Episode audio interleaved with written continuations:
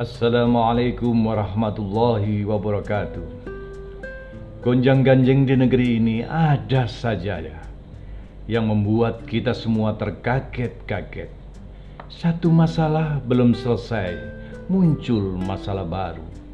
Kontroversi soal ibu kota baru dengan anggaran yang besar, perdebatan Omnibus Law RUU Cipta Kerja, ramainya TKA Cina, mengharap kartu pekerja, dua staf milenial presiden yang mundur terkait perusahaan yang mereka dirikan, virus COVID-19 yang semakin mengkhawatirkan. Perpu 1 tahun 2020 pasal 27 yang mengatur tentang perlindungan hukum bagi pemerintah dalam menangani anggaran pandemi. Begitu juga Menteri Kesehatan yang tidak muncul mestinya ada di garda depan melawan corona. Ditambah lagi Siti Fadila Supari, mantan Menteri Kesehatan saat mengurai peran-peran melawan WHO di sebuah rumah sakit. Kemudian PSBB dan penerapan new normal. Bahkan yang masih hangat Ruslan Puton, jebolan tentara yang menyampaikan surat terbuka pada presiden.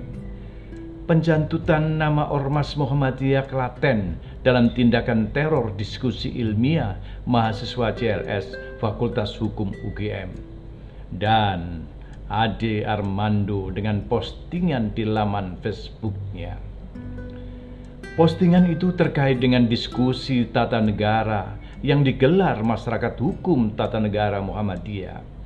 Mahutama yang mengundang Din Samsudin dan sejumlah pakar. Bunyi tulisan postingannya Senin 1 Juni 2020 bertepatan dengan hari lahirnya Pancasila sebagaimana di laman Facebooknya. Isu pemakzulan presiden digulirkan Muhammadiyah keynote speakernya Din Samsudin, si dungu yang bilang konser virtual corona menunjukkan pemerintah bergembira di atas penderitaan rakyat. Adi Armando sebagai seorang akademisi, mestinya Adi Armando gabung di forum itu. Tidak membuat narasi di laman Facebook untuk mengkanter dan berprasangka kecurigaan yang berlebihan sehingga masing-masing bisa mempertahankan landasan dan pandangan hukumnya. Berbicara terkait pemanggilan, alur prosesnya pun panjang.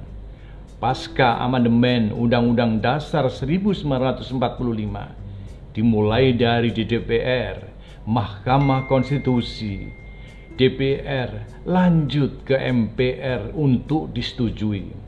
Presiden diberhentikan atau ditolak dan presiden tetap menjabat. Sementara komposisi sekarang di DPR hampir semua partai merapat di pemerintah kecuali Demokrat, PKS dan PAN.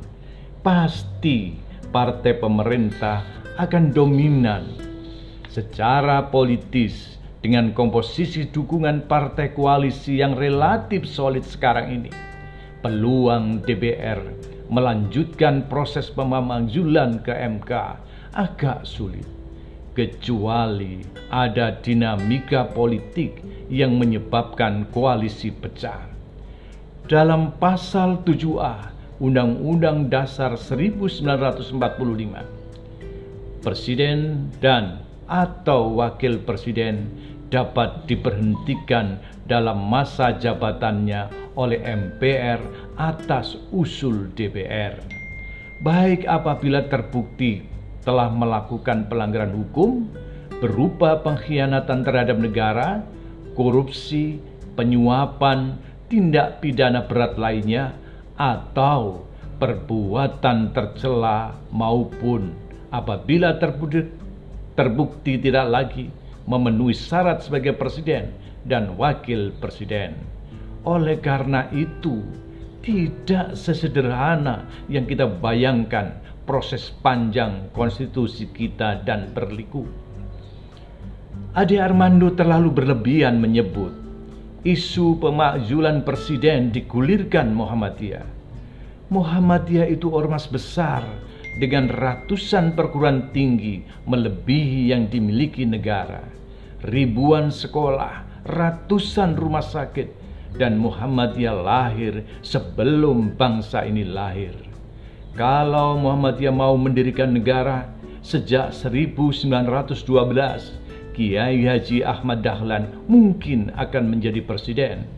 Tapi Muhammadiyah lebih nyaman mencerdaskan anak bangsa ini dengan melahirkan para pemimpin bangsa yang terbukti kesetiaannya pada negara kesatuan Republik Indonesia. Di antaranya Soekarno, presiden pertama kita, Panglima Besar TNI Jenderal Sudirman, dan masih banyak lagi tokoh besar lainnya. Dampak virus COVID-19 ini melululantahkan semuanya. Rakyat sudah menjerit, butuh uluran kita semua untuk bisa makan, untuk hidup, untuk bisa memberi makan keluarganya. Karena semakin banyak jumlah pengangguran yang semakin tidak terkendali.